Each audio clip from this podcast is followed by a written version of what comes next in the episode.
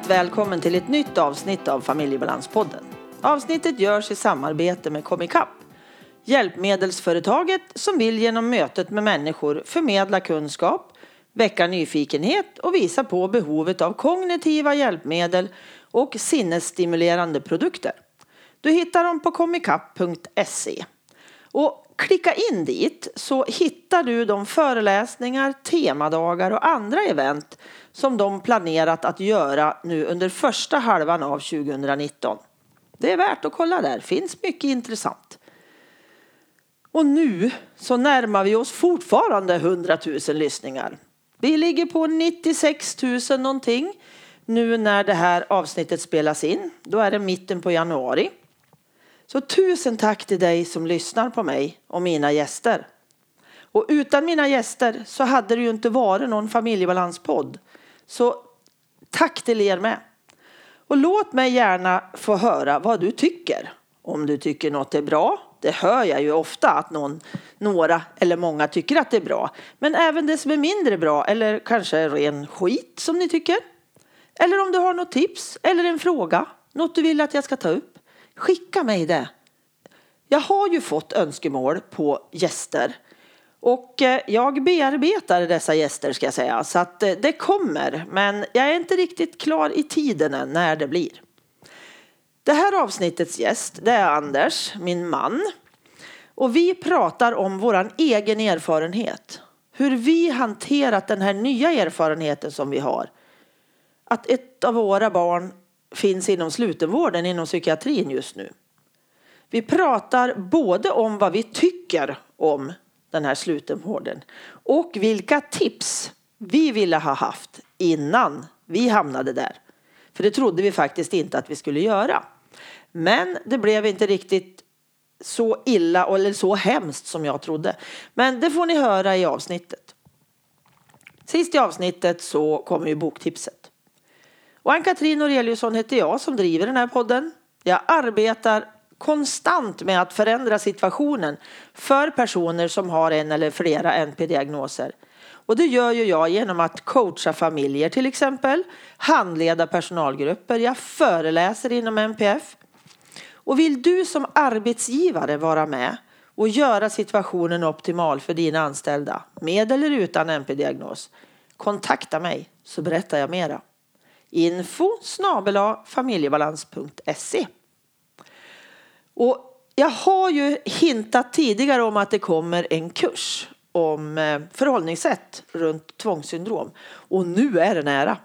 För i februari nu 2019 så startar min kurs i förhållningssätt för dig som finns runt någon med tvångssyndrom, OCD eller tvångsproblem. behöver inte vara en diagnos. Alltså personen behöver inte ha blivit diagnostiserad.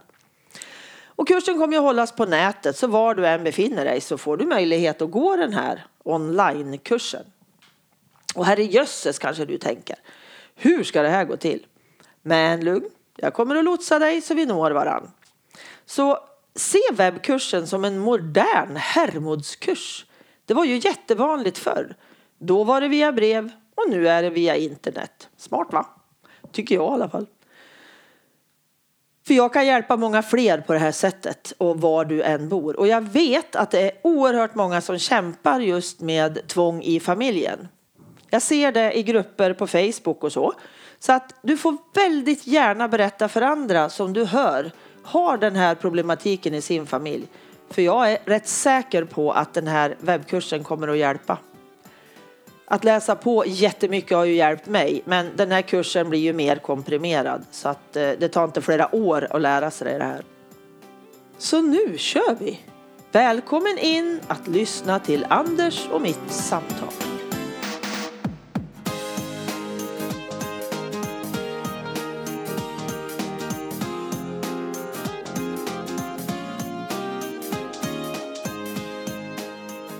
Idag så är det ju då du och jag, Anders. Japp. Så du är hjärtligt välkommen hit in i ditt eget hus. Ja, men man får väl tacka. Vi har ju funderat ett tag på det här avsnittet. Men det vi kommer att ta upp i alla fall, det är ju våra reflektioner om sluten psykiatrisk vård. Det låter väldigt tungt. Och och det har varit rätt tungt faktiskt ett tag här hos oss. Genom att Marcus, vår son, blev inlagd eh, i mitten på september och han är fortfarande inlagd. Så vi kommer att ha lite reflektioner runt det. Vad vi har önskat. Ja, jag tänkte säga det. Du sa att han har varit inlagd sedan mitten på september och när vi spelar in det här då är det januari året efter. Precis. Så man får lite tidsperspektiv Ja. på det. Precis. September 18 lades han in i mitten på september. Och eh, vi sitter nu alltså i mitten på januari 19. Ja. Exakt. Ja, men det var bra att du tänkte på det. Och tidigare så har ju du gjort några av, eller vi har gjort några avsnitt tillsammans. Mm. Vi börjar ju i avsnitt ett, du och jag. Ja, i avsnitt ett då pratade vi om eh, utredning, om jag inte minns fel. För att då var det runt Marcus utredning och när vi liksom väntade på det och sådana saker. Allt vi upplevde då runt omkring det som vi pratade om i första avsnittet. Ja. Och det spelade vi in alltså i oktober 15. Mm. Det är drygt tre år sedan. Och sen så kom avsnitt fem som du var med i nästa gång. Och då, Eh, Då pratade vi eh, äktenskap. ja, det gjorde vi. Att vi har överlevt alla de här åren tillsammans. Och det är faktiskt det mest lyssnade avsnittet utav Familjebrandspodden. Det ser man. Det tror jag är väldigt intressant för många just det här hur svårt det kan vara. Ja. Jag tror att antingen går man väldigt stärkt ur en sån här situation som man eller som vi har hamnat i. Eller också ja, blir det en separation. Mm. Jag tror det är jag tror inte, alltså ingen går ju oberörd. Nej. Ur, och för, ja, I vårt fall så har det ju blivit starkare band Mm. till varann. Fast det har varit knakigt ibland kan man Absolut. säga. Det har inte varit bara lätt. Nej, nej. Det ska vi ju inte påstå. Det har varit väldigt tuffa tider. Mm. Det Och nu, varit. de här tre sista månaderna har ju varit väldigt påfrestande när Marcus har varit inlagd. Och det har ju inte varit egentligen bara att han har varit sjuk i sitt tvång. Utan det har ju varit situationen med att han har varit inlagd. Allt runt det, tänker jag. Ja, just det här att man eh, när han har bott hemma, eller ja, dels hos sig och eh, även hos oss då periodvis, då har man ju känt att man har haft någon form av kontroll och man har trott att man har kunnat hjälpt han. Men nu när han, sen han blev inlagd, då har ju vi ingen kontroll. Man känner sig, jag upplever att jag känner mig mer maktlös Man är totalt maktlös. och, det är ut, det som och har varit. Det har varit väldigt jobbigt den här maktlösheten. Vi kan inte hjälpa honom. Det måste någon annan göra. Jaha. Förr har vi kunnat hjälpa honom men nu har det inte gått. Men det var ju då i eh, avsnitt 5 som vi pratade äktenskap som vi sa. Och i avsnitt 15 då pratar vi om hjälp. Och det är två och ett halvt år sedan vi pratade in det avsnittet. Och eh, jag lyssnade lite, hoppade runt lite i det och lyssnade och kände lite suck. Ja, vi tycker ungefär likadant om viss hjälp fortfarande. Eller viss icke-hjälp. Viss icke-hjälp kan man definitivt säga. Sen i avsnitt 40 då gjorde vi en liten repris på julavsnittet. För det körde vi som nummer två också. Men i 40 då så var det julen. Men idag så kommer vi att prata om reflektionerna om runt slutenvård. Och eh, det jag skulle vilja säga först det var ju att jag hade en fullständigt skräckslagen inställning till slutenvård. Jag var så sjukt rädd då när jag började inse att det här kommer inte att hålla. Marcus kommer att bli inlagd för han mådde så fruktansvärt dåligt. Och jag såg injektioner, tvång, bältesläggning. Jag såg alla de sakerna som ett stort svart läskigt moln ovanför mig. Jag var så jäkla rädd så det var inte sant alltså. Men inget av det blev det ju. Nej, men eh, det som jag hade velat haft då när han blev inlagd eh, det var ju information om vad som försiggår innanför de, de väggarna där. Mm. Så, man, så vi som anhöriga hade känt oss trygga i att ja, men nu är han på ett ställe där de vet vad de gör. Jo men just precis. Alltså, vi visste ju inte vad det var för besökstider. Vi visste ju ingenting. Utan det var nu tar vi Marcus, hej då, nu kan ni gå hem. Och det var jättejobbigt. Ja, Så där känner jag att det finns det jättemycket att göra. För psykiatrin tänker jag, den slutenvården. Att verkligen ha alltså ett enkel, en enkel information. ja, det framförde vi ju sen någon dag senare att de, de skulle ha ett eh, färdigt papper, ett A4 bara med lite hålltider när det är besökstid. Ja, det här så att man lite telefonnummer kanske och, och Ja, som, så man känner sig lite trygg som, som anhörig. Även om vi insatta i det här med psykisk ohälsa så känns det jätteskrämmande när en anhörig blir inlagd. Det krävs, tänker jag, att man faktiskt tar hand om de anhöriga. För det är ju vi som är de anhöriga. Mm. Alltså A och O tänker jag. Låt de anhöriga vara involverade när nu den närstående då som är inlagd när den godkänner att vi får veta. Det tycker jag är en självklarhet. Helt annorlunda om Marcus hade sagt nej, ni får inte berätta någonting för dem. Då är det ju bara så. Då hade, man ju fått- vi ja, fått stått ut Då bara. hade man ju fått accepterat det. Ja. Mm. Men nu var det ju inte så. Nej, Och det finns ju faktiskt ett, ett man kan göra en enkel fullmakt egentligen. mm. Som inte vi gjorde, men som vi skulle ha gjort egentligen. Jag vet inte om det hade blivit någon skillnad, men på vissa ställen kanske det gör det. Och då kan man skriva så här på ett enkelt sätt. Jag ger min mamma eller pappa eller annan anhörig eller mamma och pappa, jag vet inte. Det bestämmer man ju själv. Det ska stå namn och personnummer. Och att man ger de här då anhöriga och psykiatrin fullmakt att utbyta information med varandra. Och då innebär det att då är det bara information som man utbyter med varandra.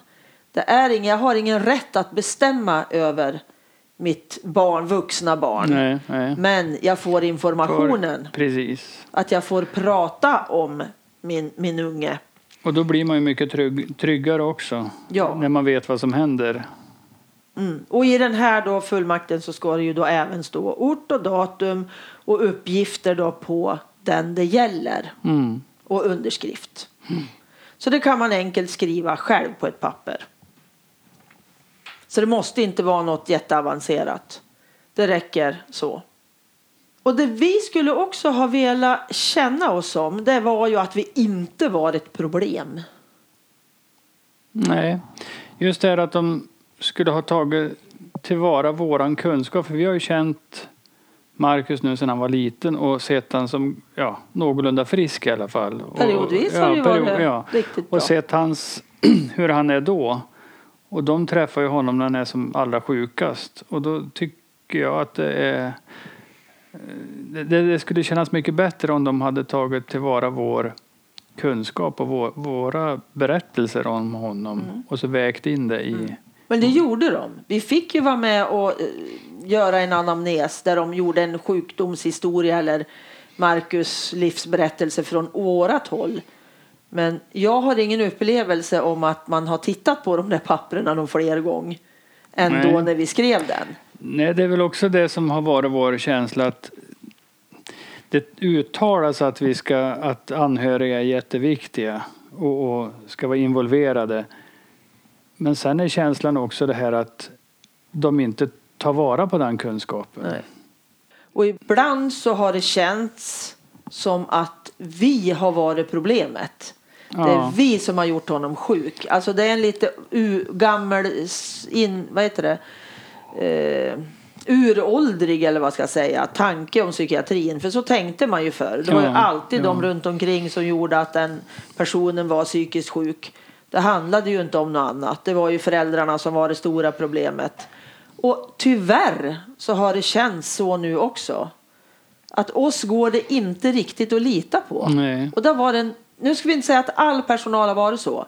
Men i vissa fall så har det varit tydligt in i min känsla att vi är ett problem. Ja. ja. Och det har inte varit kul. Eller det har varit jättejobbigt ska jag säga. Och just det här när Marcus ska ut på permission. Och eh, vi har sagt det måste gå i jättesmå steg. Och så har han fått permission i 12 timmar i alla fall. Vilket gör att han har mått jättedåligt när han har varit på permission. Och det skär ju i hjärtat på mig när jag vet hur man behöver göra. Som vi alltid har jobbat med de jättesmå Det stegen. har ju alltid varit små, små, små steg. Eh, Och det tror jag det är för jätte, jättemånga som mår så här dåligt. Ja, han har ju alltid varit så från när han var riktigt liten. Alltså, så har det varit de här små myrstegen som vi brukar säga. Då. Helt plötsligt då ge en permission på ett halvt dygn. Det, det visste vi från början att det inte skulle, det skulle inte bli bra. Nej. Och då blir det misslyckanden varje gång man är på permission istället. Och det är ju inte meningen med permissionerna. Det är ju att jag ska träna mig ut i samhället igen. Men ja, tyvärr så blir det ju ett ganska negativt avsnitt på ett sätt. Men det jag känner med som kan vara det positiva, det är ju att man kan ta lärdom av det vi faktiskt känner att vi har upplevt och det, har, det som har varit Ja, då går det att göra på ett annat sätt. Att andra anhöriga kan känna sig tryggare när man får den, ja när det blir sådana händelser att någon måste läggas in. mm. Då kan man kanske känna sig lite tryggare för då kan vi ha lyft det här en, en smula. ja precis. Och att man ber direkt om att jag vill veta när det är besökstider, jag vill veta hur jag kan hjälpa till, involveras. För vi stod som fågelholkar och fattade ingenting. Nej, Och det kanske kan vara hjälp för någon annan. precis. Och just det här också tänker jag att det har varit svårt att få veta vad, hur ser planen ut? Hur tänker ni runt Marcus framåt nu? Vad kommer att hända? Vad ska, vad ska det bli? Hur ser krisplanen ut? Och hur ser samarbetet med kommun och landsting ut? Nej, men det behöver ni inte bry er i. Det är Marcus som ska veta det. Ja, absolut. Men den dagen han då är utskriven och hemma igen, då är det vi som får över ansvaret. Ja. För då är vi som ska finnas och stötta och hjälpa honom med det han vill. Och då måste vi veta vad har de tänkt? Vad är det sagt? Ja, annars är det ju risk att vi kanske då jobbar eh, eller bemöter honom på ett felaktigt sätt så att vi förvärrar situationen så det blir en inläggning till. Ja, och inte bara det tänker jag, utan just det här att vi ska få känna oss trygga också. Ja, absolut. För han kanske känner sig jättetrygg men kan inte ändå förmedla Nej. helt och hållet vad, vad, ja men hur ska vi vara? För vi vill veta, det är ju det. Och får vi anhöriga veta och känna oss involverade och känna oss trygga, så trygga det går när någon är psykiskt sjuk. Då blir det ju så mycket bättre för alla.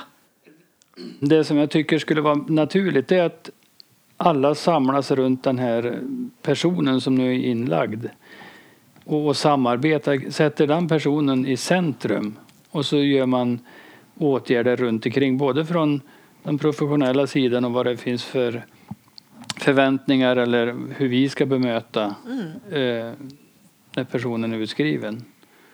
Och likaså kommunens, eh, vad de har att erbjuda så att man i tidigt skede har en riktig plan. Ja, den här samordnade individuella planen då, SIP som den kallas. Det är ju, och det tänker jag, det måste man ju göra medan personen är inlagd.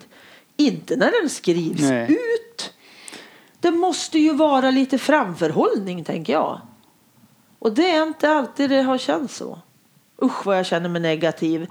Men jag vill ju se en förändring. Jag vill se att det blir bättre. Det är ju därför vi lyfter allt det här. Ja, Göra andra anhöriga tryggare och göra att vården tar tillvara fler anhöriga än vad jag känner och hör. För jag hör ju av andra anhöriga att de har precis samma upplevelse som vi. Det hade varit bättre om det hade bara varit vi och inga andra. För då Nej. hade det funkat på de flesta Ja, ställen. men precis. Och eh, jag menar, det finns mycket studier och sånt där som visar just det här att ju mer anhöriga är involverade i vården, alltså du får ju ett bättre och oftast ett snabbare positivt resultat. En tillfriskning ja. Ja. Om vi jobbar tillsammans. Har vi något mer vi tänker? Jo, vi har ju lite det här med tips. Som vi tänker. Mm. Och steg ett tänker jag, det är ju ta hjälp. Ja. Sitt inte och, och vänta eller tro att ni klarar allt själv. Nej, Det gör man inte. man behöver någon och, och om man har någon som man kan ta hjälp av och bolla tankar och idéer och Mm. Ibland bara få prata av sig den oro som man har. Och då ett ställe kan ju vara att man tar kontakt med sin kommun och kollar upp deras anhörigstöd. Mm. Där hittar jag ju också då andra i liknande Ja. situation. Och då kan man eh, få ingå i någon grupp där som där man kan sitta och prata om, om ja, de tankar som dyker upp och, och, och få dela dem och känna att man inte är ensam i sin situation. För det är man inte. Tyvärr alldeles för många idag som sitter i samma båt. Mm. Och det är inte heller något bra. Och sen så tog ju vi hjälp till slut Ja, av personligt ombud. och det var en jätteskönt att, eh, att kommunen kan erbjuda Mm. det, personligt ombud. Så det kan man ju söka på kommunens hemsida och se vad man hittar där. Eller googla på personligt ombud så ser man vad det är. Får, man läsa vad det är för någonting. Ja, det är ju personer som jobbar enbart för, ja i vårt fall då, Marcus. Och har ju inget my- myndighetsutövande så, utan men de är den här eh, stödet som, som tar kontakter med olika, om det behövs tas kontakt med försäkringskassa, med boendestöd. Eh, Ja, allt det här som, som vi normalt sett Och som vi har gjort i alla Ja, år. som vi har gjort i alla år. Eh, Men, och det var så skönt nu när de kom in i bilden eh, och kunde ta det, den bollen. Så Mm. vi fick tid att landa i, på något sätt och, och hämta lite, lite krafter igen. Mm. Och det är ju den som eh, har behovet så att säga. Inte föräldrarna Nej, eller anhöriga. Utan det är ju för det är ju den som ska ha hjälp. Ja. Det är ju inte vi som ska ha hjälp. Men för oss blev det ju att vi får hjälp. Ja, indirekt så blir det ju så. Ja, ja. därför att, att eh, det är han som får hjälp och den, allt det där har vi gjort Mm. tidigare. Och så tänker jag så här. Jag hör ju när jag träffar eh, föräldrar att det är väldigt vanligt att eh, ungdomen då som är över 18 år inte vill ha med sig någon. Den vill gå själv och prata. Mm. Men till dig då tänker jag som är strax över eh, 18, alltså är vuxen idag. Jag tycker ändå, ta med dig någon. Du kan ju ta med dig en kompis om inte du vill ha mamma eller pappa med dig. Ja. För fyra öron hör mer än två. För att det är så svårt många gånger att komma ihåg allt som har sagts. Mm. Mm. Har du föräldrar som vill stötta dig och finnas där och det, du känner att jo men alltså det är ju bra. Ta med dem. För det, det kommer att hjälpa dig i slutändan tänker jag. Det gör faktiskt Mm. det. Sen kan man ju också faktiskt be att när man sitter på ett möte be att få spela in Ja, så, så man själv kan lyssna tillbaka och höra vad var det vi kom överens om eller Mm. ja, vad det nu kan vara. Åtminstone en ordentlig sammanfattning tänker jag. Ja. Men, För det eh, finns ju, det har ju vi varit med om. Att vi inte har fått spela in hela Ja. samtalet. Men en, en sammanfattning på slutet kan ju vara okej. För många gånger när man sitter så här tycker jag. Man, man ska ta in en massa information och det är jättejobbigt och känsligt och jag kanske gråter. Och så ska jag anteckna samtidigt. Mm. Det fixar och inte jag i alla fall. Då måste jag be att få spela in. Ja, det är ett enkelt sätt. Det blir ju inga missuppfattningar. Nej. Det, för då är det ju jättelätt att gå tillbaka och vad sa vi i det här avsnittet eller om, om den saken eller vad det är. Så Ja. att, jag, jag tycker det är suveränt om man kan få göra det. Precis. För det är ju så här, säger jag till dig nu då som är ung vuxen. Det är jätteviktigt att få föra sin egen talan. Men ändå är det väldigt viktigt också att jag har med mig de svar jag får. Via att jag har med mig någon dag eller får inspelat eller vad som helst tänker jag. Och har du en schysst kompis som ställer upp, ja, jättebra. Eller mormor, morfar, farmor, farfar. Det spelar ju ingen roll. Det måste ju inte vara mamma eller pappa. Eller ditt personliga ombud. Eller en boendestödjare. Alltså det finns människor runt omkring som man glömmer bort ibland. Och så är man lite rädd för att ta hjälp. För jag har velat fixa allting själv. Kan själv. Och det orkar man inte till slut. Och det kan vara så mycket bättre när jag ropar på hjälp istället. Det var dagens snack Ja, på Familjebalanspodden. inget mer vi ska tillägga tycker du? Jag vet inte. Inte vad jag kommer på. Nej. Det vi gör nu det är ju en evig väntan. Vi väntar på besked för, från psykiatrin. Om eh, Marcus ska få möjlighet att få hjälp någon annanstans. Och det har vi väntat på länge. Och det skjuts hela tiden det här beslutet framåt. Men eh, när det här avsnittet sänds då hoppas jag verkligen att vi vet i alla fall. Ja, som sagt, när det här avsnittet släpps så, så hoppas jag att eh, han är på det behandlingshem som vi har tankarna på. Det är ju inte bara den här tiden man bor på behandlingshemmet. För honom är det ju en livslång Ja, ja, resa. Absolut, men eh, som jag tänker så är det ju liksom att på det här eh, behandlingshemmet så blir det en förhoppningsvis en stabil grund att stå på från hans del och så kan vi därifrån hjälpa han. Och andra i professionen. Ja, det är ju det krävs ju och då är, återigen då krävs det här samspelet mellan professionen och anhöriga. Mm. Det, det, man kommer tillbaka till det hela tiden tycker jag att man måste involvera anhöriga på ett helt annat sätt. Ja. Eh, Åtminstone, och det kanske görs men alltså vår uppfattning i, i det här fallet har, har inte varit optimalt. Och jag tänker på det här NSPHs eh, Anhörigprojekt. anhörigprojektet. Mm, Ja. mm. Det visade ju jättetydligt hur Ja. viktigt det var. Otroligt. Ja. Det är ju bara att gå in på NSPHs hemsida och söka efter anhörigprojektet så finns det mycket material ja, att läsa där. precis. Och film också var det ju då. Mm. Och en bok släpptes. Ja. Så det. att, eh, det här är ju inget nytt det här att eh, anhöriga behöver involveras. Nej. Och vi fortsätter att jobba med det framåt. Så är det. Då säger vi tusen tack till dig som lyssnat. Ha det så gött. Hej då! Hej då!